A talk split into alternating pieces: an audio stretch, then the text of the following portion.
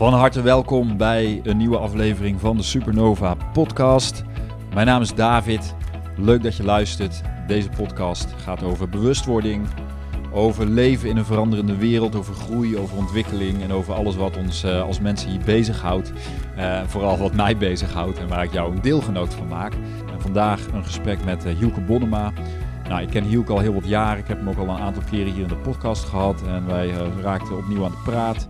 Uh, over ontwikkeling in de wereld. En uh, besloten om toch samen nog eens een uh, boom op te zetten en dat op te nemen. Dus bij deze een heel boeiend gesprek over um, grote krachten in onze wereld. Over de politiek, maar ook over heel klein ons eigen leven, ons eigen pad bewandelen.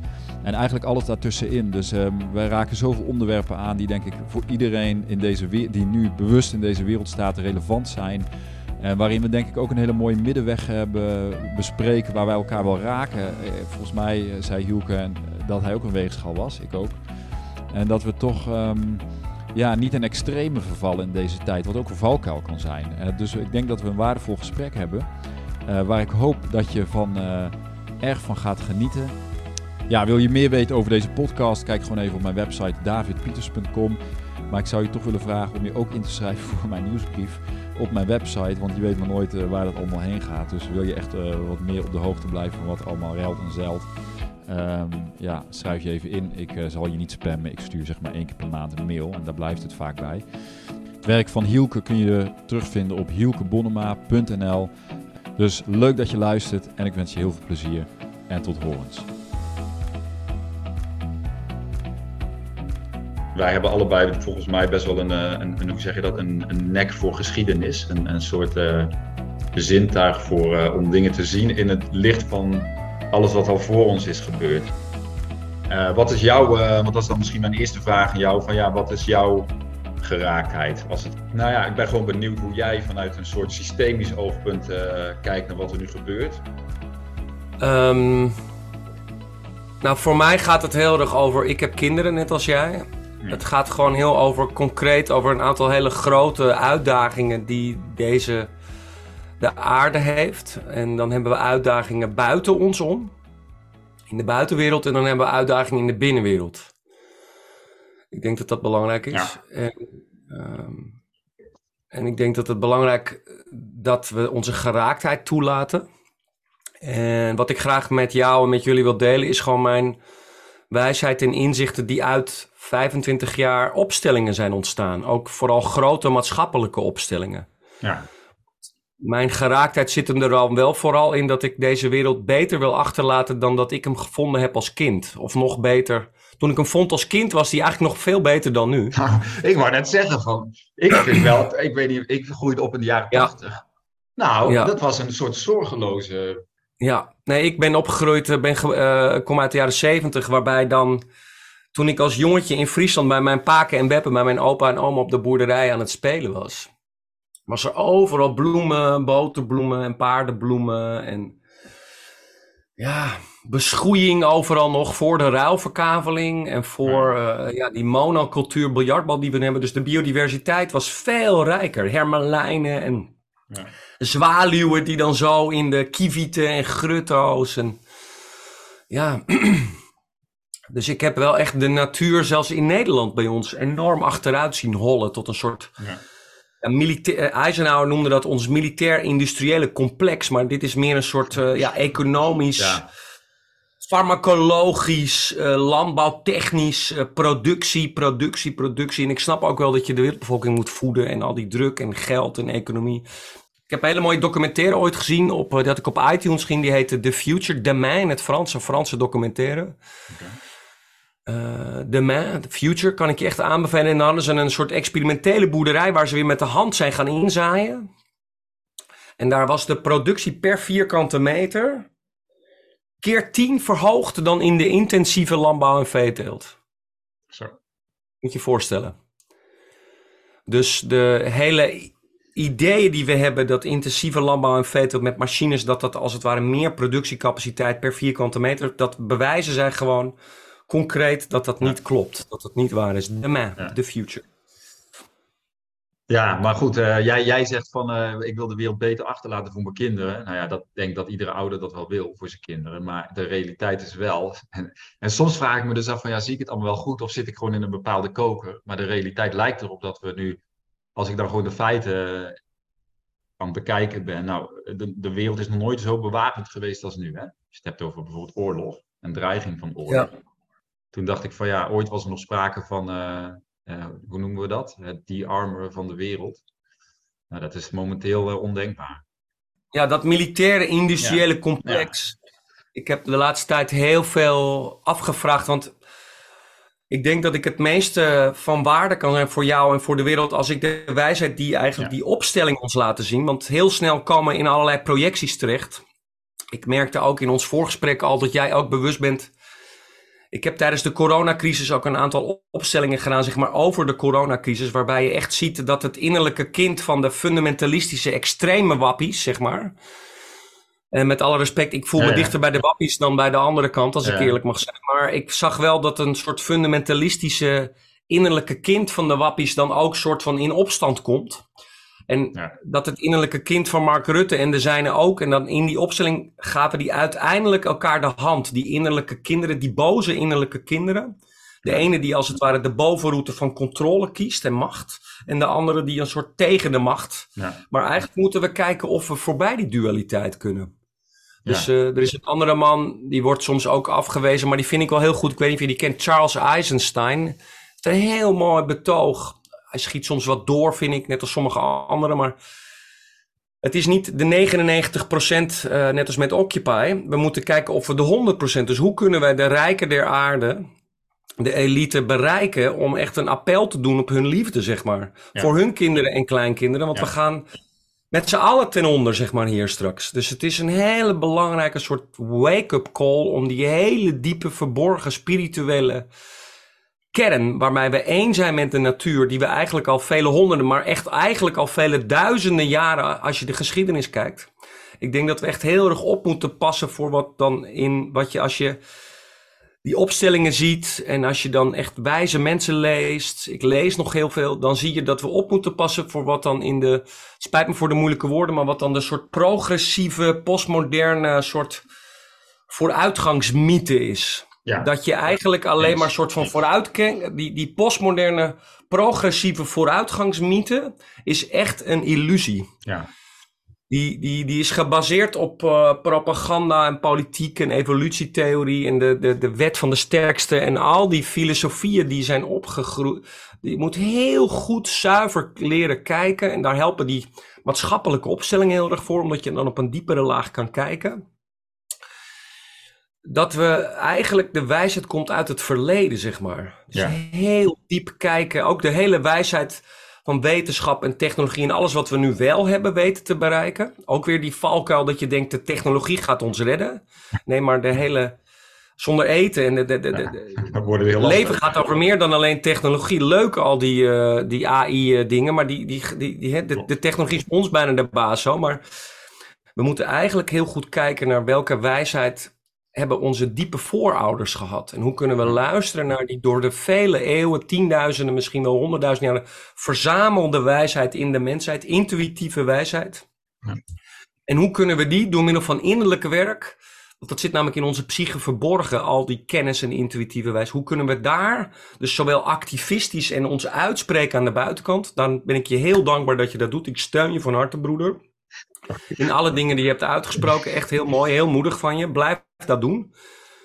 soms schieten we een beetje door naar links en naar rechts, maar het gaat uiteindelijk dan om die, die fundamentele oprechte dialoog die we met, maar kunnen, met elkaar kunnen voeren. En gewoon transparantie.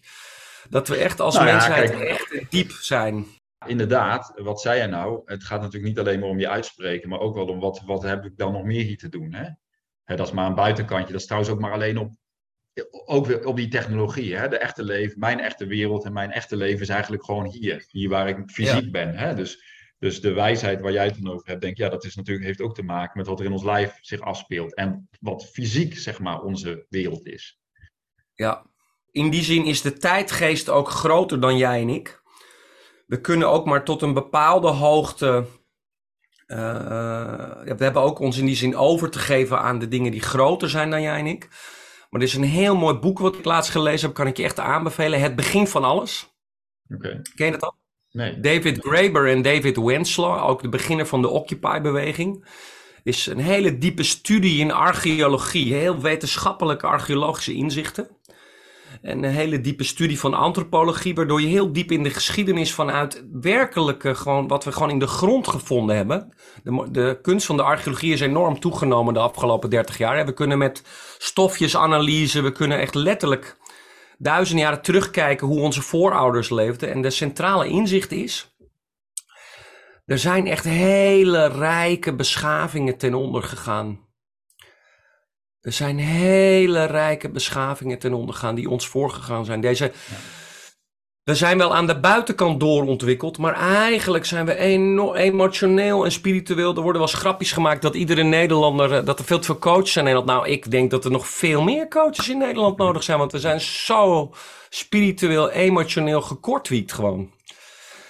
En eh, ik denk dat de rijkheid van het hart en de wijsheid van het hart, niet alleen de kennis, want dan ah, zonder kennis kunnen we, als de kennis, als intelligentie en kennis niet verbonden is met de wijsheid van het hart, doen we de verkeerde dingen.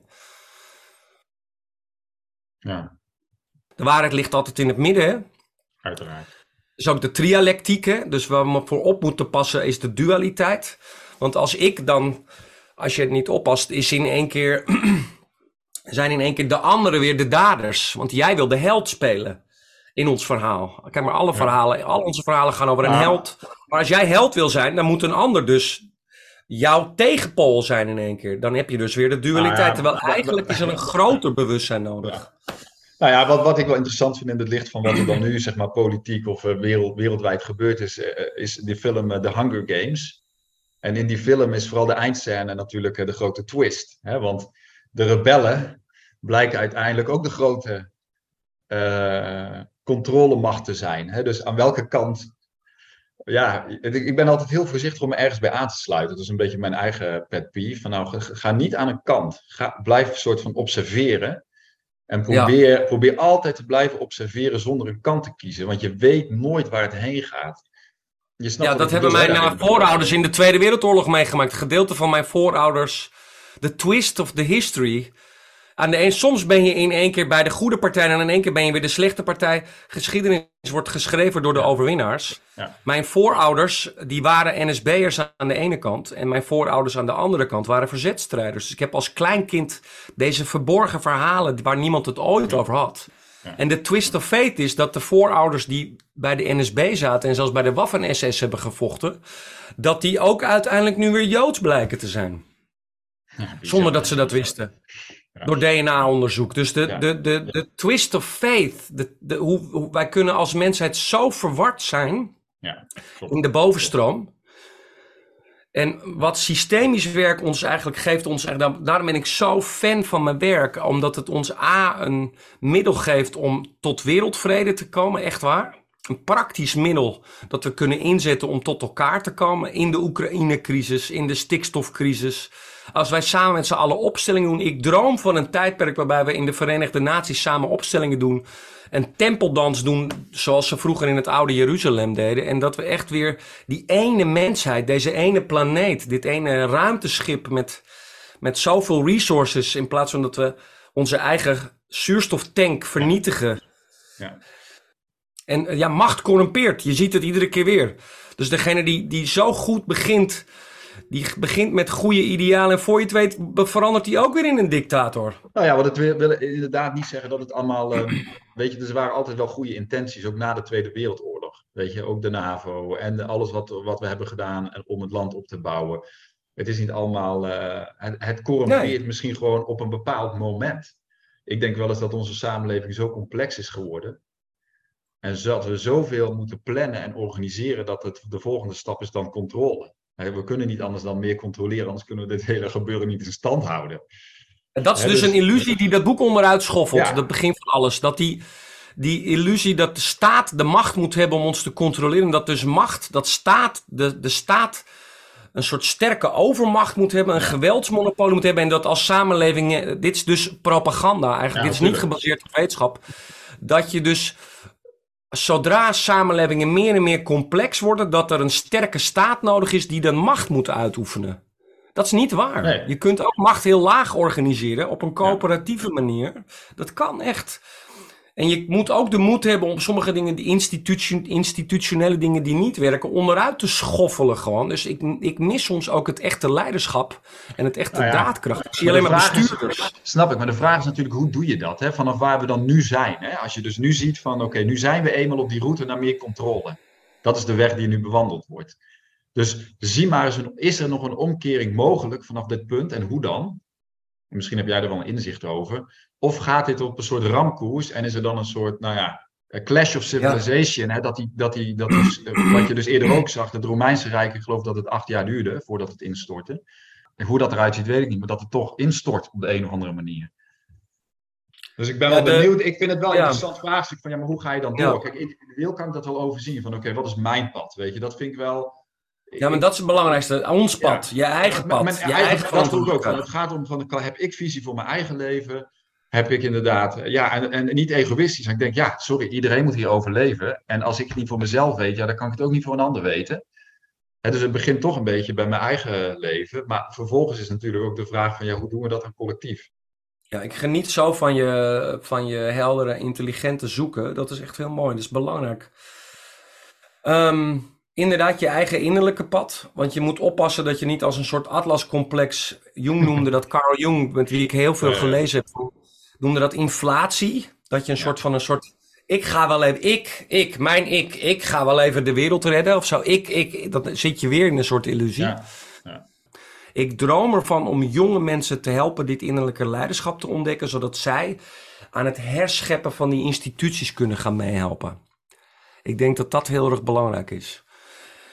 En eh, ja, dan wel goedschiks, dan wel kwaadschiks. Je ziet nu dat voor het eerst in de menselijke geschiedenis we zoveel, eh, zowel de technologie als ook de druk op de moeder aarde, laat ik haar toch even moeder aarde Ja. noemen.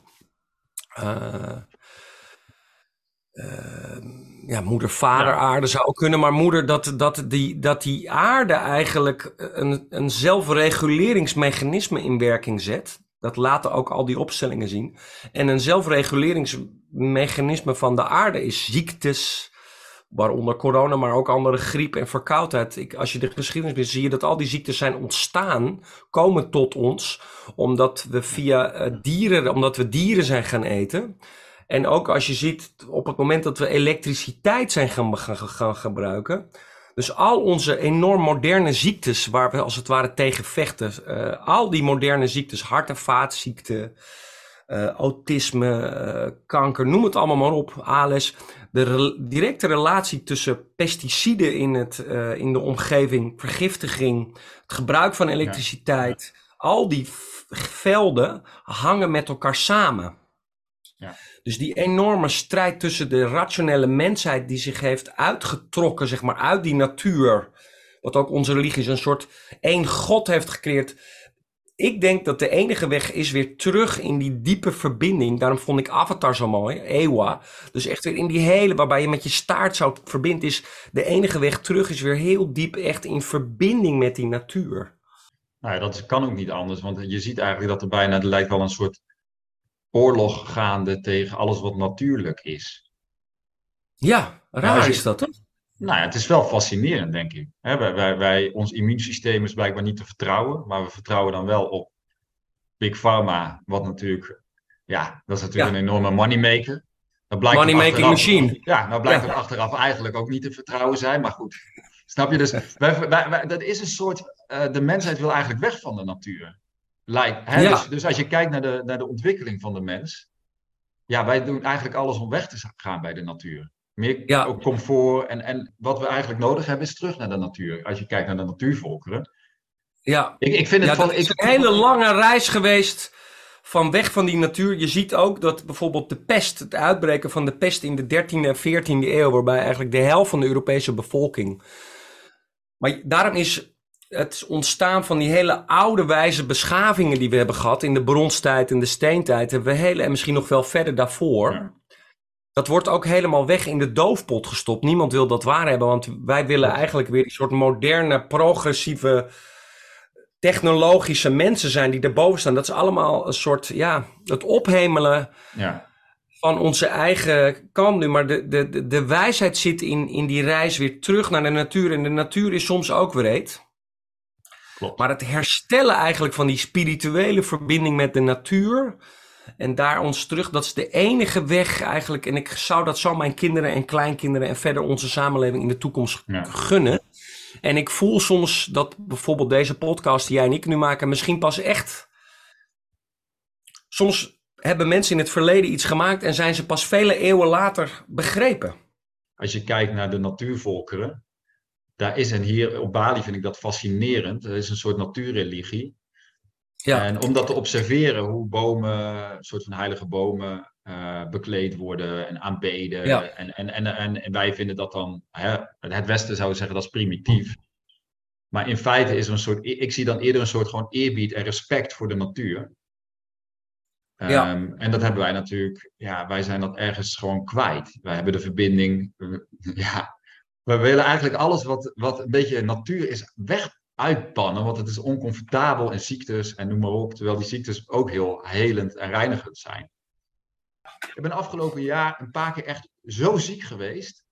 Eigenlijk nog nooit eerder lichamelijk zo ziek. En ik heb echt een, geleerd soort van om met die ziekte gewoon, of met, die- met dat, dat gevoel te zijn en dat te gebruiken om ergens gewoon in te gaan. In mijn mooi is dat, gevoel en hè? mijn psyche en dan eruit te komen. En dan Ja, eruit, ik heb dat ook. uit de wanhoop, een soort van in die wanhoop, dat, dat je echt denkt van het leven heeft geen enkele zin meer. Maar als ik daar dan uit ben, dan, dan kom ik vanzelf weer in iets van, oh ja, nou ja, oké, hier ben ik weer. ja, mooi man. Ik heb dat ook. Ja. Ik heb dat van hallucinogene middelen, van, eh, eh, van ayahuasca en paddenstoelen, heb ik dat geleerd om Ja. op die manier in negatieve dingen innerlijk te gaan. En dat heel, ik ben afgelopen december had ik nog corona voor de derde keer. En dat hielp me enorm weer om een soort diepere reset te maken. Echt Ja. heel mooi. Ja, hetzelfde hier. Ja. Nou, ik denk wel dat Steiner had dat ook al Ja. ontdekt. Hè? In de antroposofie is Ja. dat al heel lang zo. Dat ziektes zijn eigenlijk een soort transformatieproces. Hè? Ja, het is interessant dat als je het over psychedelische middelen hebt, om even het andere onderwerp te veranderen, dat is niet Ja. comfortabel. Het is niet een, een leuke, er is eigenlijk helemaal niet per se iets, het is zwaar, je moet werken, je moet ergens doorheen. Ja. En dat is eigenlijk misschien wel precies wat wij nodig hebben. Ja, Om daarmee ik denk om te dat de gaan mensheid daar meer van nodig heeft. Ik doe dat zelf in mijn groepen niet, want mijn groepen, met, in mijn groepen, in mijn retretes, in mijn jaartrainingen, dat is alles of je dat neemt. En het integreert soms wel beter. We werken aan onze trauma's en onze perspectieven met die opstellingen. Maar desalniettemin kan ik dat van harte aanbevelen als je stevig genoeg bent en voldoende draagkracht hebt. En onder begeleiding en heel Nou belangrijk. ja, goed, dat is, dat is zonder meer zo. Ik bedoel, eh, je moet wel ehm, het, het aankunnen om eh, eh, geconfronteerd te worden met iets in jezelf of in het collectief, wat ook in ons huis uiteindelijk. ja. Om daarmee. ehm, maar goed, los daarvan, ehm, de natuur. Ten eerste is het heel leuk, dat boek wil ik nog een keer noemen, Het Begin van Alles, The Dawn of Everything in het Engels. Echt een top.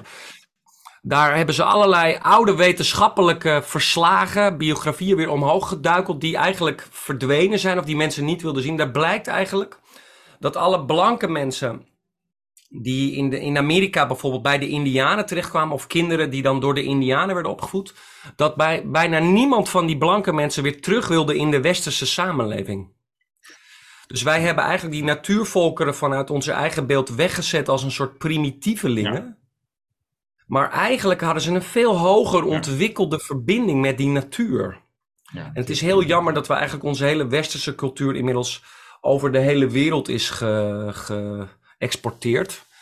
Die soort. eh, Nou, het is een soort plaag natuurlijk. Hè? Ik bedoel, als je het hebt over globalisme, is er natuurlijk heel veel om te doen. Maar voor, in mijn optiek is dat een van de grote gevaren. Is dat globalisme zorgt ervoor dat alle verschillen, alle culturen, alle, alles wat nog uniekheid is van ieder stam of volk, Ja. dat verdwijnt. Ja. En dat is zo jammer. dat is, nee, maar dat is dus de. Dat bedoel ik met die postmoderne progressieve valkuil van vooruit willen. Ik ben zelf ook opgevoed, neoliberaal. Maakbare wereld. Zo ben ik, uit die wereld kom ik ook. Maar ik heb nu Ja. al die opstellingen, 25 jaar, die familieopstellingen, organisatieopstellingen en vooral die maatschappelijke opstellingen, laten je eigenlijk zien dat je veel meer een conservatief perspectief moet hebben en eigenlijk de diepe voorouders moet eren en hun wijsheid en Ja. niet zozeer snel vooruit willen, veel moeten bewegen, maar eigenlijk heel erg dichtbij, klein. En wat heel belangrijk nog voor mij is om te delen, dat zijn wat opstelling ons laat zien, dat zijn de lagen van geweten, David. Mhm. Dat is dat je voordat je het, voordat je het weet, je beschreef dat eigenlijk zelf net ook al, hè? Hè, over jouw eigen achtergrond en je onderzoek daarin en je eigen boosheid en je eigen getriggerdheid en de geraaktheid die we kunnen hebben. Hè? Wat de essentie van die Bert Hellinger heeft ontdekt is, omdat hij na de Tweede Wereldoorlog, heeft hij, waar hij als weermachtssoldaat aan het Westfront heeft gevochten, had hij als het ware 20 veldslagen overleefd, waarbij de hele tijd 90% van zijn bataljon was uitgeroeid of gevangen genomen. Op een gegeven moment dacht hij na die Tweede Wereldoorlog, hoe werkt dit nou? Hoe kan het zijn dat zo'n zogenaamd wijze, rationele... Wat speelt eigenlijk onder die zogenaamde rationele bovenlaag? Wat speelt daar nou eigenlijk onder dat we zo al die Joden hebben kunnen vermoorden? Hoe, hoe werkt dat nou? En dat je ook al die mensen kunt vermoorden, hebt kunnen vermoorden met een soort schoon geweten. Dat, eh, die, die, die, dat, je, dat je, dus, dus ergens, en dat, dat heeft hij altijd met Jezus aan het kruis, die aan het kruis hangt. Van, oh mijn God, waarom heeft u mij verlaten? De God van Jezus is eigenlijk het Joodse volk. Waarom heeft het Joodse volk hem opgeofferd? Nou is eigenlijk het hele Nieuwe Testament een soort gemaakt om het Joodse volk juist te onderdrukken. Dat is helemaal gefabriceerd, heel slim. Om een soort archetype te creëren van een man die aan een kruis hangt en niet meer in opstand komt. Dus hè, hoe, als je een volk wil onderdrukken, dan moet je ze verhalen gaan leren en vertellen. Dus eh, onderwijs en manieren om mensen klein te houden is eigenlijk door ze al dat soort archetypes dan. Dus het zijn allemaal dingen gaande om ons eigenlijk te onderdrukken. Vaak, het is, ik ga er niet vanuit dat het bewust is. Soms denk ik van, nou, het is wel heel erg toevallig, al die dingen. Ja, ik Ja. snap je. Ik vraag me dat ook af, maar ik denk wel eens van, er zijn natuurlijk ook allerlei energieën die gewoon synchroon lopen. En dan lijkt het alsof er inderdaad ergens een heel groot complot achter zit. Nee, dat zo ik denk dat ook niet. Nee, ik zie, Ja. dat, ik zie dat Nee, ook niet. Ik denk, nee, er is, een, er is een samenloop van omstandigheden. Er is een, een Ja. energieveld. Er zijn mensen die daarop aanhaken. Er gebeurt overal van alles. En dat gaat een bepaalde richting op. Als een soort Ja. sneeuwbal. En, en, en ja, er is natuurlijk wel een soort van. eh, alles is natuurlijk verbonden met elkaar. Dus uiteraard kun je lijnen en verbanden zien. Maar of dat dan ook allemaal gepland is, is weer een tweede. Maar goed. Nee, dat, dat, dus het is altijd, je moet altijd heel helder naar binnen en naar buiten blijven kijken. Ja. Wat laten nou die opstellingen zien? Dat is eigenlijk naar buiten toe geprojecteerde, hoe de functie van ons geweten, zeg maar. En dat Ja. zit, zeg maar, in ons limbische emotionele systeem. Dus wij doen net alsof we allemaal rationele, volwassen mensen zijn. Maar eigenlijk, en dat liet de coronacrisis, eigenlijk zijn wij heel erg emotioneel allemaal met z'n allen. Helemaal niet rationeel. Kijk maar, als er iets in je relatie gebeurt, je wordt getriggerd, Klopt. dan zijn meteen, of eh, goede voornemens zijn meteen weg, of je denkt meteen, hé, hey, jij en ik en het. hè. Dus dat, dat, dat emotionele brein, dat limbische brein, dat onder controle krijgen eigenlijk, als een soort wilde aap. En dat werkt ook met de functie van het geweten. Dus je hebt dan je persoonlijke geweten. Dan heb je je familiegeweten. Kijk maar hoe je soms met je partner in conflict kan zijn, omdat jouw familiegeweten misschien anders is dan het familiegeweten van je vrouw. Maar daarom is soms oude culturen waarbij soms mensen bij elkaar worden gezet door de families. Tja, er is van alles voor te zeggen. Wij leven in een soort romantisch ideaal, wat eh, sinds de jaren 1400 bij ons bedacht is. Zoals jullie allemaal weten, is dat romantische ideaal bullshit, want dat hebben jullie allemaal zelf ook al meegemaakt. Dus ja, hoe werkt dat nou, die soort diepere krachtenvelden die mensen bij elkaar brengen? Want er is ook iets wat mensen bij elkaar brengt, wat ook weer mensen uit elkaar trekt. Hoe werken die krachtenvelden Ja. eigenlijk? Die, die emotioneel, spirituele, systemische krachtenvelden. En dan als je op, want daar hebben wij het net over, als je dan groter kijkt, heb je dus je familiesysteem, heb je je stam. En nu wordt het interessant, want nu heb je dus je eigen persoonlijke geweten, je familiegeweten. En die krachtenvelden zijn sterker dan jouw persoonlijkheid. Die nemen jou mee, zonder dat je dat misschien wil. Die nemen jou mee zelfs de dood in. Kijk maar naar nu naar de oorlog, dat er soldaten de dood in worden. Dus de, Dus je hebt je persoonlijke geweten, je familiegeweten, je stamgeweten, je landgeweten. En dan heb je nog je continent geweten. Kijk maar, wij als continent Europa. En dan is Rusland even niet bij. Rusland is eigenlijk op de grens van Europa. Hoort eigenlijk dan net niet bij Europa. Meer bij Azië eigenlijk. Hè? Wij als Europa, want wij hebben de Franse Revolutie meegemaakt. De soevereiniteit van staten. Dat is ook allemaal maar de vraag als je dat goed onderzoekt. Hè? Hoe soeverein is een staat? En uh, hoe zit het met hoe zit het met propaganda en macht en invloed en wie bepaalt wat en hoe worden hier de kaarten verdeeld en wie, wie, wie, het gaat uiteindelijk ook allemaal over egopolitiek en macht van de, van de, de heersende klasse. En of dat nou in Rusland, in China of in het Westen is, die heersende klasse probeert gewoon controle en macht uit te oefenen. Maar wat eigenlijk de sleutel is, dat je, dat je open en eerlijk daarover durft te zijn. Dus dat je niet net doet alsof macht niet werkt. Dat je bereid bent om de schaduw te herkennen en te erkennen en dat je mhm. je broek aantrekt. En dat je niet, wat Jung en Freud zeiden, dat je niet in een soort morele toppositie bent van ik ben hier de held, wij zijn de held, zij zijn de bad guys. Wij zijn de held. Dus dat je een soort morele toppositie neemt, inflatie, jezelf verheft boven de ander. Ja, dan creëer je eigenlijk dualiteit en oorlog. Maar ja, dat dus is dus nu wat gebeurt. Dat is dus nu wat gebeurt. Ja. Precies. Het idee is dat je dus bereid bent om dat te herkennen en te erkennen, die collectieve schaduwdynamiek. Ja. Dat kan je alleen maar herkennen als je in jezelf die individuele schaduwdynamiek, daarom zijn hallucinogene middelen zo handig, want die brengen je meteen bij je eigen schaduw en ziekte. Dus persoonlijke schaduw, familieschaduw, organisatieschaduw, collectieve schaduw. En dan transformeert die collectieve schaduw heel langzaam in universeel geweten. En dat is echt de, de compassie van de Boeddha, waarbij je net zoveel houdt dat je echt voorbij die dualiteit bent. En eigenlijk hebben we leiderschap nodig op deze planeet die werkelijk vanuit dat universele geweten leiding kan geven. Dan gaat deze planeet werkelijk verder ontwikkelen. Ja. Hoeveel tijd gaat er overheen, dacht ik. Ik denk, ja, hoeveel, er is een soort, je kent het verhaal van de honderdste aap, hè? Dus, ja. een, uh, hè, dus, dus op een gegeven moment. Ja, de One Hundred Monkey, ja. Op Japan, dus die eilanden. Ja, ja, ja. ja, Dus, Rupert dus, Sheldrake. Morfogenetische dus velden, ja. Het gaat eigenlijk over dat er op een gegeven moment een soort kritieke massa is die een bepaald bewustzijn bereikt, eigenlijk. En als er een bepaald bewustzijn bereikt wordt of, of beleefd wordt, dan, dan gaat dat heel snel over naar de rest van de groep, zeg maar. En bij de apen was het dan zo dat op een gegeven moment er een ander eiland was van hele andere geïsoleerde apen. Die konden ook op een gegeven moment iets wat die andere apen op dat andere eiland ook konden. Wat eigenlijk heel vreemd was. Er was dus een soort van contact. Ja. Ja, dat zijn een soort morfogenetische velden. Je ziet ook overal op de wereld soortzelfde tendensen. De renaissance was niet alleen maar in het Westen. In Tibet en in China had je ook een soort renaissance en een soort dus dynamieken en ziektes, de hele wereld. Het is wel interessant dat het Euraziatische continent. Ja. Dus Afrika is natuurlijk verbonden met Europa. En het, dus Afrika, Europa en Azië hebben een soort één collectieve geschiedenis.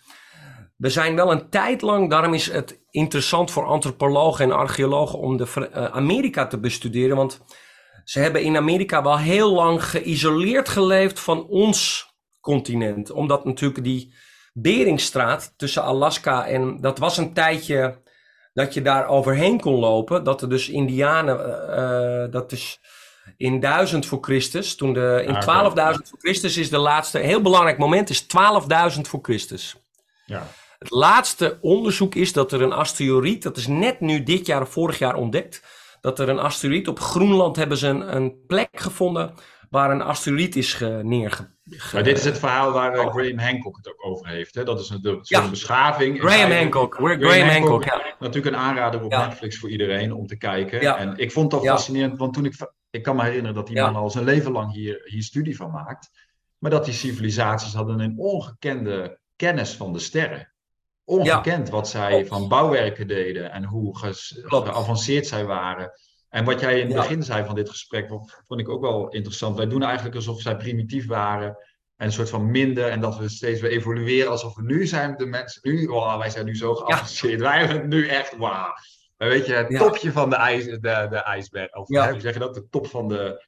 Ja, nou ja progressieve mythe. De progressieve vooruitgangsmythe. Nee, ja, precies. Nou, dat is het in feite. En, en kijk waar het ons brengt. Ik bedoel, um, ja, ik moest dus afgelopen zomer heel erg aan de torenbouw van Babel denken. Dat ken ik dan natuurlijk uit mijn geschiedenis. Maar dat kent iedereen, dat verhaal. Van ja, op een gegeven moment er is er zo'n zo, zo'n soort grootheidswaanzin. Ja, grootheidswaanzin. Ja. Nou ja, ik ben dus benieuwd. Maar goed, ik ben hier dus ook een beetje als observator van het hele theater. Zo noem ik het toch maar even. Om te kijken van, nou, ik ben gewoon heel benieuwd wat er gaat gebeuren de komende tien jaar. Want het wordt wel heel interessant. En ik ben er wel, nou ja, met wat wij weten uit de geschiedenis. En, en we hebben natuurlijk een bepaalde we staan toch aan een bepaalde, met een bepaalde visie of zo. Nou, het is heel belangrijk dat je ergens voelt dat die krachtenvelden buiten ons om, dat die ook binnen ons actief zijn. En dat je dus daar binnenin, op het moment dat jij werkelijk wakkerder en wakkerder, liefdevoller en compassievoller wordt. Dus ik denk echt dat het innerlijke pad voor ons allemaal heel, heel, heel, heel belangrijk is. Kijk, want uiteindelijk gaat het dat universele geweten. Kijk, uiteindelijk ben je hier echt als een, laten we zeggen, een soort ziel. Al is de ziel ook weer moeilijk te conceptualiseren. En ben je hier ook om als het ware als ziel in liefde te groeien. Ja. En uh, ja, is het ook belangrijk dat je gewoon kijkt: hey, hoe kan ik hierin in, mijn, in het licht van mijn liefde blijven? En gaat het niet alleen over jou hier en nu? Dat is de, misschien wel de grootste verwarring, waardoor we helemaal in die dualiteit verstrikt raken. Dat we dit ook zien als een soort uh, droomwereld. Ja. En dat is totaal niet een excuustruus om er dus niks aan te doen. Echt niet. Dat vind ik echt, dat mag echt niet. Want je moet echt in die droom, dit is wel je droom, dus je moet ook zeggen dat je voor die droom goed zorgt. Maar op het moment dat we komen te overlijden, dan zie je pas echt. Dus eigenlijk zijn we hier in slaap. En worden we straks weer wakker als we doodgaan? Het is eigenlijk net andersom. Ik, ik denk, ja, zo, zo, dat is wel mijn, mijn gevoel, hetzelfde. Niet, niet dat we daar dus, dat heeft niks met een soort van um, wegbewegen te maken. Hè? Het gaat voor mij ook om, we moeten hier juist volledig incarneren, hier helemaal zijn en alles voelen en beleven. Maar dat wil niet zeggen dat ik mezelf helemaal verlies. Nee, dat mijn ziel nee, nee, nee, Hè, dat, dat, dat is dan een beetje dat, dat, nee. waar we moeten wakker worden. Of we moeten, ja, ik weet niet. Het is ook geen keuze, denk ik. Hè? Wakker worden is niet een. Ja. Nee, ja, het is een heel bijzonder. Uh, het is een heel bijzonder proces. Wat aan de ene kant wel, laten we gewoon wel nuchter zijn, wat wel echt innerlijk werk vergt. Ja. Maar uiteindelijk, als je op het pad in dat innerlijk werk, dan ontdek je dat het eigenlijk geen innerlijk werk meer vergt. Maar dat, dat is een beetje de paradox, paradoxale werkelijkheid. Ehm, maar goed, het perspectief, want dat is natuurlijk wel, ik, ik noem het wel eens gekscherend natuurlijk een theater of een film, maar, maar in de zin van het schouwspel wat we allemaal gewoon zien. En het is wel bevrijdend, vind ik, om het te zien, om te kijken. Zonder dat ik er, snap je, het kijken, dat alleen al is ja. Daar, daar zit een soort van, oké, ik ben hier, ik zie hier iets. Ja, en dan nee, het is heel mooi omdat dat soort getuigenbewustzijn waar jij het nu over hebt, hè, dat, uh, waar we ook dat soort getuigenbewustzijn om de zon te zijn. Het is alleen heel belangrijk om in dat getuigenbewustzijn, niet in de wat we noemen de dissociatieve, de pre-transverwarring, dat je niet als het ware voorbij de vorm, in die soort vroegkinderlijke soort vluchtroute zo soort van erboven blijven hangen. Nee, het is een heel mooi talent wat ik zie dat jij hebt, dat ik heb. Hè? Om een soort van nature, dat licht, die supernova wat af en toe verschijnt bij jou, hè? dat licht. Dat we een soort van, van nature ergens dat licht zijn gebleven. Alleen het is wel de bedoeling dat we dat licht, dat noem ik de, de granade die door ons heen stroomt dat we die genade in de wereld, dat we dat licht door ons heen en dat we dat in ons hart voelen.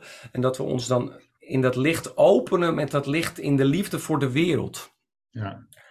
In wereldse zaken, dat we uitreiken met onze handen met het licht. Dat we goed voor onze kinderen zorgen. Dat we onze kinderen goed opvoeden en ze helpen wijze, liefdevolle wezens te worden. Met structuur ja, uiteindelijk, en aandacht. Ja, uiteindelijk hele aardse dingen. Ik bedoel, dat hele aardse dingen. En dat is misschien ook wel het mooie. Daarom ben ik blij dat ik kinderen heb. Anders was ik inderdaad weggevlogen. Ja, nee, dat is voor mij net zo. Ik heb drie kinderen, dat, uh, dat is voor mij net zo. Het houdt, het houdt mij gewoon bij het aardse, uh, gewone, de mundane. Het, het, het, ja, er moet gewoon nu, nu gewerkt worden en er moeten aardappelen geschild worden en, en er moet geld en al die dingen hè, die gewoon bij het leven horen. Ja. Eigenlijk is dat, maar daarin is het dan ook een waarnemer. En dat maakt het dan toch. Nou ja, goed. Ja. Um, Mooi man. Nou ja, Daar worden we stil van, hè? Bij, nou ja, ik, ik, ik, ik, wil jou nog wel even horen over een aantal opstellingen. Jij, had, jij, hebt het eh, of jij noemde eerder van nou ja, de maatschappelijke opstellingen, wat daar zichtbaar wordt eh, rondom eh, actuele thema's. Corona had je een opstelling gedaan, maar ook Oekraïne. Wat wil, Ja. wil jij daar iets over vertellen, wat, je dan gewoon, wat jij dan waarneemt Ja, in die nou, opstelling? ik moet je eerlijk zeggen, eh laat ik beginnen met Oekraïne, omdat dat nu nog steeds zo actueel is. Wij doen een maatschappelijke opstelling met allemaal mensen die bij mij zijn opgeleid in de jaaropleiding. Daar wordt dan een soort wat we noemen een veldwaarnemer. Dus al die representanten gaan eigenlijk intuïtief zelf, niet dat ze dat invullen met hun hoofd, maar die gaan intuïtief. We laten als het ware een, het soort, laten we het, het zielsniveau of de onderstroom, de emotionele gewetensdynamiek laten we, laten we spreken. Ja. Nou was ik zelf ook al een beetje op dat pad. En wat heel erg bijzonder was, waar ik echt nog maanden en maanden over nagedacht heb wat dat nou was. Dus we, stelden de Oekraïne op en Poetin en Kiev en al die. En eh, we kijken ook altijd naar de geschiedenis en hoe dat allemaal was. En er was één grote dader eigenlijk in de ruimte die heel agressief rondliep. Nou denkt iedereen eerst, zou je eerst denken, want dat wordt in onze media zo aan ons teruggespiegeld. Maar dat was in dit geval niet Poetin, dat was de NAVO. Nou, Als ik dit nu zo zeg, dan Ja, word ik ja. als Socrates of als Jezus of als word ik meteen aan een soort hoogste begint de de de de maffia mij er komt er een soort mob op gang van hey hij is vast een Russische spion laten we hem aan de hoogste boom hangen. Nee, ik ben ook echt geen Poetin fan, want diezelfde dynamiek die je bij de NAVO ziet, zie je ook weer bij het Russische communistische eh, verhaal zeg maar. Dus na maanden en maanden daarop gebroed te hebben vanuit een soort innerlijk bewustzijn, ben ik tot de conclusie gekomen wat er gebeurd is. Dat dit soort machtsinstituten Mhm. eigenlijk een eigen levende, want dat zie je ook in opstellingen, in organisatieopstellingen, die organisaties hebben zelf een ziel. Dus dit soort machtsinstituten krijgen eigenlijk een, worden eigenlijk een eigen levende entiteit. Ja, ja. Waardoor mensen, dat zie je ook bij veiligheidsdiensten, bij de CIA, bij de Chinese Communistische Partij, deze, deze, deze, die gaan eigenlijk soort zelfstandig opereren om te kijken of ze meer macht. Dus militair-industrieel complex. Ja. Dus mijn grote droom zou zijn voor de Oekraïne is niet dat we nog meer wapens sturen. Al begrijp ik dat wel. En dat is soms misschien ook nodig in de dualiteit dat we vet in de oorlog moeten gaan. Maar wees dan eerlijk erover. Zeg van wij willen gewoon, wij doen gewoon mee met de oorlog. En wij, de NAVO rukt op. Mijn droom zou zijn is dat we in plaats van wapens gewoon, zoals Gandhi zei, dat we gewoon echt moedige mensen sturen die gewoon voor de tanks gaan liggen. Die gewoon niet terugvechten, maar die gewoon met hun lichaam zeggen: ik offer mezelf op voor de vrede. Schiet mij maar. Dus dat we, en dat we echt een hele eerlijke volks Ja. dat we echt de mensen in Oost-Oekraïne zich laten uitspreken. Want er is een, er is een meneer, een eh, Amerikaanse. Meneer John J. Marsmeyer, een Amerikaanse hoogleraar in de politicologie. Die heeft de afgelopen honderd jaar de geschiedenis van de Oekraïne en Rusland onderzocht. Die heeft ook alle stem, hoe er gestemd wordt in de Oost- en de West-Oekraïne. Die houdt ook rekening met de geschiedenis. Dus de, alle, de hele nuance. Want er is een hele genuanceerde werkelijkheid aan de hand. Want als je naar, kijkt naar het stemgedrag van de afgelopen 30 jaar in de Oost-Oekraïne, zie je dat A, die mensen spreken allemaal Russisch. B, die mensen stemmen allemaal op pro-Russische partijen. Dus laten we dan echt heel eerlijk door een onafhankelijke partij, die mensen in de Oost-Oekraïne, in Lugansk bijvoorbeeld. Ik heb vrienden die Russisch spreken, die naar het nieuws in Lugansk voelen ze echt dat eh, Oekraïne hun de hele tijd beschiet. En dat is ook zo. Dus, die, die, dus waar ligt dan echt die grens tussen mensen die graag bij Rusland willen horen en mensen die graag bij het Westen willen horen? En dan is er een enorme propagandastrijd om die harten en geest van al die mensen te winnen. Waar ook de CIA bij de Maidan-revolutie een rol in speelt. Dus dat is een heel krachtig spel. Want Ja. waar ook, moeten we ook heel eerlijk over de geschiedenis zijn. Toen de Russen hebben Europa bevrijd van de nazi's. Laten we echt heel eerlijk zijn. Er zijn 10 miljoen Russische soldaten en 10 miljoen Rus, eh, Russische burgers gestorven in het bevrijden van Europa van de nazi's. Stalin heeft ook weer in de West-Oekraïne huis gehouden. En daar zijn allemaal mensen aan de hongersnood. Dus dat in de heel West-Oekraïne mensen door bij het Westen willen horen, want dat is luxer en dat, dat is een soort luxe droom. En die, dat snap ik ook. Maar willen we echt vrede daar creëren, is het belangrijk dat we niet nog meer soldaten opofferen. En soms zie ik ook niet, ben ik ook machtsrealistisch, dan, zie ik, dan is dat nodig. Maar zeg dan gewoon, goh, wij willen gewoon daar macht hebben. Wij willen economische macht hebben, wij willen voor de Oekraïne zorgen. En ik vind ook dat Poetin niet een soevereine staat, want ik ben ook een Nederlander en ik vind daar ook wat van als een, als een, een land een andere soevereine staat invalt. Maar goed, hoe is die soevereine staat ontstaan? Kiev hoorde vroeger de Russen, emotioneel gezien in de geschiedenis, is Kiev ook echt de bakermat van de hele Russische cultuur. Nog meer dan Moskou eigenlijk. Dus de Russen voelen emotioneel, systemisch echt van jeetje, ja, Kiev hoort ook bij ons. Want, want eigenlijk is het hele Russische, de, de essentie van het Russische gedachtegoed. Rus betekent roeien, dat is een soort combinatie tussen slaven en vikingen. Dat is in Kiev ontstaan, inclusief de Russisch-Orthodoxe kerk. Dus ja, daar zijn allerlei systemisch geschiedkundige gevoeligheden. Ik denk dat het zo belangrijk is, dat kwam ook uit die opstelling, dat uiteindelijk dan die twee Slavische volkeren in Kiev samenkomen. Dus er is veel en veel meer gaande.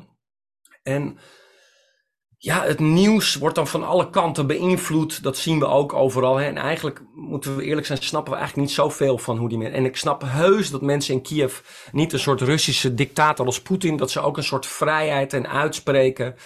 Ik ben uh, heel dankbaar dat jij en ik tot nu toe niet iemand van de AIVD op onze stoep hebben, toch? Heb jij wel eens iemand gehad die zegt, hou je mond, nee, of niet? Nee, maar we worden wel in de gaten. Ja, dat vind ik ook. Wat vind ik ook wat van. Snap je? Ja, tuurlijk. Dus het, de, dus het grootste goed is dat ik me mag uitspreken. Maar, in de hele menselijke geschiedenis zijn mensen die zich uitspraken. Socrates is natuurlijk het mooiste voorbeeld. Socrates is natuurlijk gewoon vermoord omdat hij eh, eerlijk sprak en de juiste vragen stelde. Is hij voor vermoord? Nou ja. Ken uzelf, hè? Laten we eerlijk zijn. Laten we eerlijk zijn. Laten we eerlijk zijn. We, we kunnen zien van oké, er zijn dus allerlei krachtvelden. Nou, de NAVO, het Westen, er zijn hele grote machtsblokken. Je zou nog kunnen zeggen van nou, er wordt aangestuurd op een nieuwe wereldorde en Rusland en China mogen daarin niet nog een eigen. Hè, dan gaan we wat verder in de toekomst. Die, mogen, die moeten ook buigen voor, voor het machtsblok van het Westen. Oh, maar, dat is niet zomaar een complottheorie. Dat is, Nee, kun je nee. gewoon in de Klopt. geschiedenisboekjes Ja. wetenschap. Ik wil even jou ondersteunen, lieve man. Dank je. In, eh, mensen denken nu misschien, ja, die David is een complot. Nee, dit is gewoon geschiedkundig. ja. Kan je teruglezen in de Wilson en de Monroe-doctrine. In de geschiedkundig, als je kijkt naar het ontstaan van de Verenigde Staten van Amerika. De lijn die de Verenigde Staten van Amerika sinds de vroege 1900, na, na de Eerste Wereldoorlog. Dat zie, vind je gewoon terug. Dat is de lijn die de CIA volgt, die de. Amerikaanse buitenlandse problematiek. Dat kan je gewoon terugzoeken. Het is Ja. gewoon politieke. Nee, de klopt. wetenschap van de Amerika- politiek. Het is, ik, ik steek Amerika wil werelddominantie. Ja. En de rijke families in Amerika, die die macht hebben in Amerika, die willen kosten, kosten wat het kost de werelddominantie. Dit is de politieke lijn van de CIA, dames en heren. Dit kun je gewoon opzoeken. Zoek het op als je ons niet gelooft. Je hoeft nooit iets van mij te geloven, maar zoek het alsjeblieft wetenschappelijk op. Alsjeblieft. Je kunt het Nou ja, ik denk, het gaat niet over voor of tegen Amerika zijn, want het is een prachtig land, ik heb prachtige mensen Ja. daar. Maar als je kijkt, dat vind ik, vind ik ook wel interessant, hè, Hielke. Als je dus systemisch zou kijken naar Amerika, Amerika als Verenigde Staten is gegrondvest ehm, door de natuurvolkeren, de Indianen, te verdrijven. Dus, Maar dus dan dat- denk ik ja, van, dat klopt. Maar, maar ben ze hebben ook dat land, ze hebben ook de mooie dingen van die Indianen gepikt. Het Ja. begin van alles weer dat boek. De hele Ja. de Amerikaanse vrijheid en democratie en met elkaar overleggen. Dat komt eigenlijk van de Indianen. Net als in de Renaissance in Europa. Franse, sorry, ik onderbreek je. Franse monniken hebben dat, die hele verlichtingsidealen uit Ja. van Indianen geleerd. Maar goed, als je dus een land hebt wat gegrondvest is op oorlog, hè, dat is op bloedvergiet, wij pikken. Dat, het is misschien het eerste, eerste land ter wereld wat zo'n nieuw land is, wat letterlijk, het waren natuurlijk onze voorvaderen uit Europa. En Wij, Ja, als ik, even te zien als ik mezelf even toe-eigen, ik zeg wij als Europeanen hebben een nieuw land gesticht. Eh, we hebben Ja. daar de Indianen, we hebben daar alles wat daar leefde. Ik stel me dat voor. Dan, dan ben je daar een Indianenstam en dan komen er wat Westelingen aan. Nou, en dan, dan verwelkom je die misschien nog. Hè? Laten we, en op een gegeven moment, eh, dan zeggen ze van ja, wij willen hier, eh, dit is nu onze land.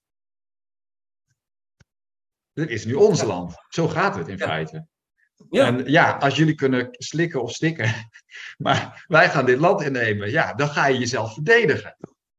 Ja. En dan verlies je het. En dat is dan denk ik van, oké, dus, dus als we Amerika zien, dat dus oorlog was gewoon de, uh, ja, de basis van dat land. En wat doen we in de wereld? Ja, ik zie geen Chinese oorlogsschepen over de wereldzeeën varen. Ook geen Russische. Nee, ik uh, moet eerlijk zeggen dat ik ook een opzicht heb over de Oekraïne-crisis. Of uh, sorry, over de ja. coronacrisis. En in die uh, opstelling over de coronacrisis, waar de, het accepteren van de dood een hele belangrijke, essentiële rol in speelt. Hè? Mm.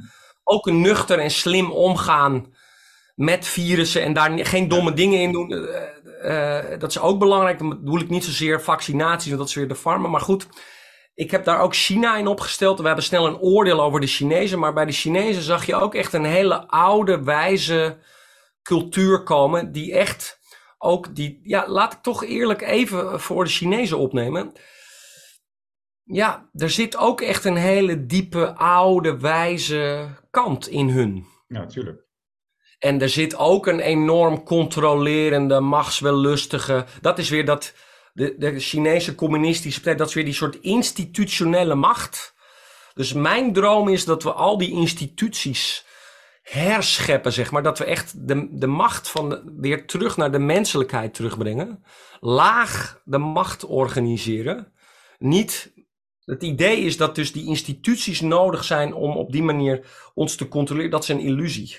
Ja. Dat is echt niet nodig. We kunnen weer terug naar ja.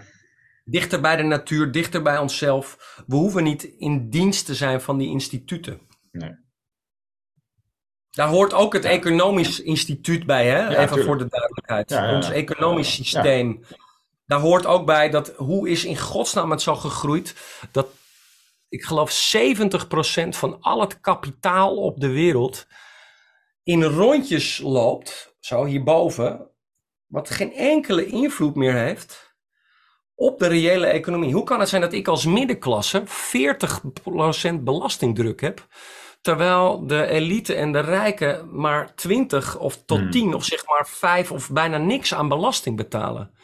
Dat is toch echt heel raar? Ja, ja, dat noemen we gewoon corruptie. Waar de macht zit en waar het geld zit, daar worden de regels bepaald. Ik denk wel eens, hoe zit het met Zwitserland, Monaco, uh, ja. die eilandjes voor Engeland? Uh, noem ze allemaal maar op. Guernsey en, uh, ja, maar, en, en, en, en, hoe, kan het zijn, hoe kan het zijn dat de belasting op arbeid en productie, ja.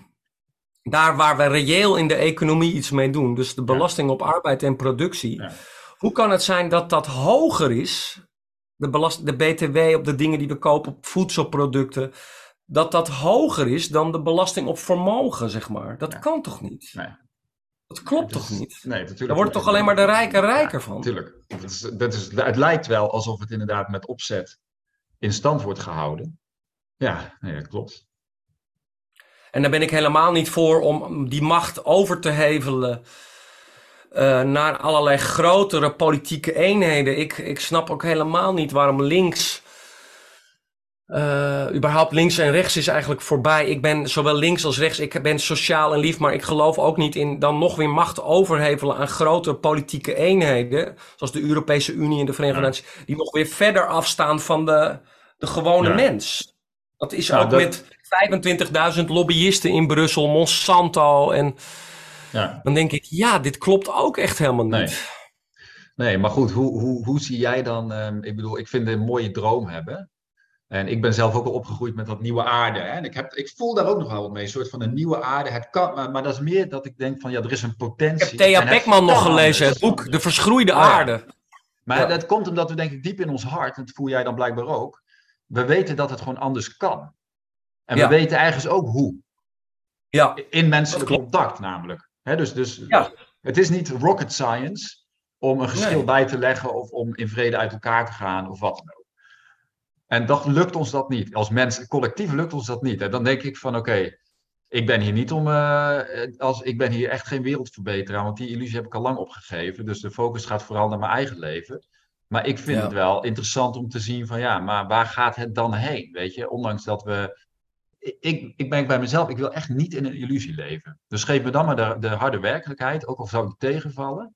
Dan dat Ja. ik geloof in een soort van eh, mooiere wereld. Dat zie je natuurlijk toch in de New Age wereld heel erg. Van het wordt allemaal een soort van licht en, en 5D en beter. Dan denk ik, nou, ik zie dat dus nog niet. Gewoon, Eh, met maar dat is ook weer diezelfde pre-transverwarring. ja, Dan helemaal in UFO's en spaceships. Dat zijn allemaal ook weer een soort verwarringen. Er zijn wel Ja. grotere krachten, archaïsche krachtenvelden. Die je dan. Ja, dat zijn geen UFO's. Dat Nee, zijn gewoon grotere dankjewel. archaïsche krachtenvelden die met ons werken. Ja, snap je? Precies. In ons, Ja. Jung zou dat ook zo duiden. Ja. Snap je? Dus het is niet. Afleiding. Dus dat- Eigenlijk is het allemaal afleiding.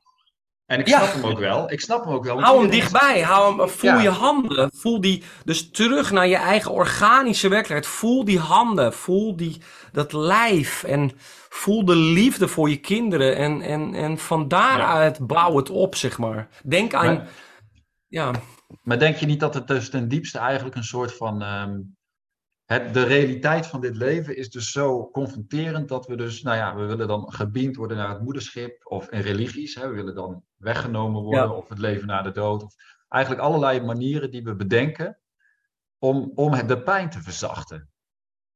ja. Ja. En de eerste nobele waarheid van de Boeddha was natuurlijk: er is lijden. Ja. En kijk je lijden aan. De dood. Ja. De dood en het lijden en de vergankelijkheid. Dat is dus een heel belangrijke essentie in het. Daar zouden we eigenlijk iedere dag. Ik sta daar iedere dag mee op. Van luister, dit is. Dit, ik, dit, deze vorm, Ja. dit. Typisch En, ook. eh, ik, ik, ik ervaar dus datzelfde, dat ik denk de dood, weet je. Niet dat ik dus de hele tijd met het einde van mijn leven bezig ben, maar dat is wel een veel grotere rol gaan spelen in hoe ik leef. Dat ik me veel bewuster ben van, ja, dit is allemaal zo tijdelijk, maar niet als een dooddoener, maar wel het bewustzijn, of ja, nou, misschien is het gewoon een, een veel dieper besef van de kwetsbaarheid van het leven uiteindelijk. Ja. Ik Ja. denk dat dat heel belangrijk is. En in die zin ben ik ook heel dankbaar dat ik kinderen heb. In die zin ben ik ook heel dankbaar dat ik niet financieel onafhankelijk ben. Dat ik moet werken voor mijn centen Ja. iedere dag. Ja. Dat ik, dat ik mijn hart open moet doen. Heel veel mensen willen vaak financieel onafhankelijk zijn. Maar dat is ook weer een soort vluchtroute eruit. Dus, dus ja, Ja, nou, mooi man. wat is er nog meer? Eh, Wil er nog iets, ik zeg altijd, wil er nog iets gezegd worden? Eén moment Alleen maar dat ik dankbaar ben. Ik wil nog wel zeggen tegen de luisteraar of die hierbij is. Dat ik echt voel dat je met ons mee in de dialoog bent. Ik voel echt een diepe hartsverbinding met David. En ik voel dat wij zo. En ik voel ook dat jij als luisteraar zo. Dat wij echt met, z'n, met die trialectiek, met z'n drieën zo in een groter veld zitten. Dus voel ook, lieve luister, dat ik ook echt ruimte in mijn hart heb. Ik voel ook dat jouw verhaal hierin meespeelt. En eh, ik wil je uitnodigen je uit te spreken, in dialoog te gaan, jezelf te ontwikkelen. Eh, niet op te geven, hoe, hoe moeilijk soms het ook kan zijn. Iedere keer weer opnieuw op te staan, het aan te gaan. Ehm, je kunt het niet fout doen. Ik denk dat dat, dat nog even gezegd wordt. Je kunt het ja. niet fout doen. Er is geen. Nou, dat is, dat, dat is ook wel mooi met het, eh, als je het hebt over je uitspreken of gewoon je eigen pad bewandelen of trouw, hoe je het ook wil noemen. Maar in ieder geval, dat uitspreken is natuurlijk wel een belangrijk onderdeel.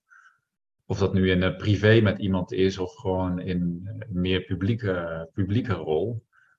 Dat daar altijd een stemmetje soms is van, oeh, is het wel slim? Dat is het zelfbehoud natuurlijk, hè? Van, eh, want ja, wat, wat- gaat er dan gebeuren? Terwijl ik dan, als ik daar dan invoel, denk ik, ja, maar uiteindelijk gaat het dus daar niet over. Het gaat gewoon over, kan ik hier op dit moment trouw blijven aan wat er gezegd wil worden of niet? Ja, En ik wil uiteindelijk gewoon mezelf zijn. Ik denk dat dat het de bevrijding misschien is van die steeds meer mensen in deze tijd ervaren. Het is veel belangrijker dat, dat wij onszelf kunnen zijn, dan dat we ons aanpassen aan iets waar we Ja. het niet mee eens zijn. nee, eh, dat, dat, dat uitspreken en jezelf kunnen zijn, je unieke bezielde kracht. Ja, tot uiting brengen. Wat Maslow, hè, de, de, de piramide van Maslow. En ik- Wat als je nou als coach echt zegt wat je eigenlijk niet durft te zeggen? Wat als je nou echt uitspreekt wat je eigenlijk niet durft uit te spreken? Dus dat je voorbij die pleasende, lieve, je bestdoende, brave burger, man, vrouw, whatever, kind. Dat je echt een soort van die, die, die wilde. Ja. ja, het onkruid tussen de steunen door. Dat je echt die, die, die. Dat is de levende natuur in je, zeg maar. Ja dat is mooi. Ik bedoel, ik ervaar het zelf als een heel helend en eh, enorm, eh, eigenlijk bekrachtigend proces. Mensen zijn Ja. vaak op zoek naar, ja, hoe kom ik in mijn kracht? dan gaan we de dingen doen die je heel spannend vindt. Ja, maar ook zoek, uh, zoals dit geval, zoek ook de verbinding. Ga niet uh, heel veel tijd in je eentje een website bouwen, maar zoek een eerste klant. Snap je? Ga gewoon je ding doen. Van werk komt werk. Dus het is een, weer een soort draadje. En ik, ik voel ook dat alles wat net door mij heen kwam, dat komt ook door jouw liefdevolle aandacht van mij. En alles wat door jou heen komt, ik voel ook de verbinding tussen ons.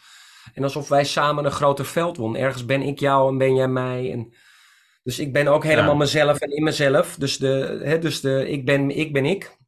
En jij bent jij, maar er is ook iets groters. Ja. Dus hoe kan je nog, als je, ja, hoe kan je ook nog zien van, wacht eens eventjes, er is altijd iets, een groter veld.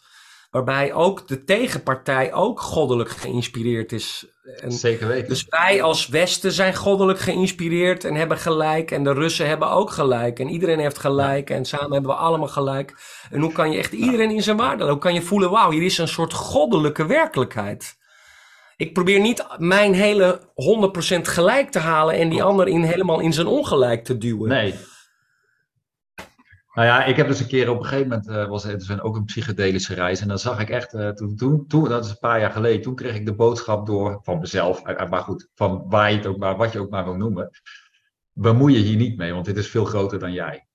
Met wat er in de wereld gebeurt. Hè? Toen dacht ik, ja, het gaat natuurlijk ook helemaal niet om een kant kiezen. Want dat zou het domste zijn wat je kan doen. Ja, maar dat is want dus dat weten wij nou. Dat is, dus die, dat is dus die innerlijke reis ja. En Heraclitus zei ook al, een hele oude... Pre ik hou heel erg van die pre-Socratische Grieken. Dus 500 voor Christus. De druïden, de kennis van de druïden... die ook weer die oude samenlevingen hadden. Je hebt hele mooie Berlijnse gouden hoeden. Die, die hadden, moet je maar eens opzoeken. De Berlijnse gouden hoed. De Berlin Golden Hat. Dus die hele mooie druïdische goud, helemaal van bladgoud gemaakte hoed. Dus er is zoveel kennis en wijsheid in het verleden.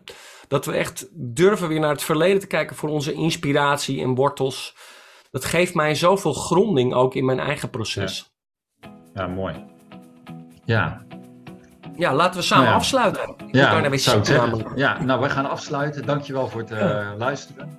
Uh, ja, nee, ontzettend bedankt voor de liefdevolle aandacht, voor een grote verbinding met je. Ik maak graag in de toekomst nog een keer, over een jaar of over twee we jaar. Gaan kijken, we gaan kijken wat, er, uh, wat, wat het leven ons brengt. Wat het leven ons brengt. Wees wijs, kies je eigen pad, onderzoek. En uh, maak, maak, de innerlijke reis. Ik denk dat dat het allerbelangrijkste is. Yes, dankjewel uh, Hielke. Ik hoop dat jij ook uh, van uh, dit gesprek iets mee hebt kunnen nemen als luisteraar. En wil je, heb je vragen of opmerkingen, die kun je naar mij mailen at supernova.davidpieters.com.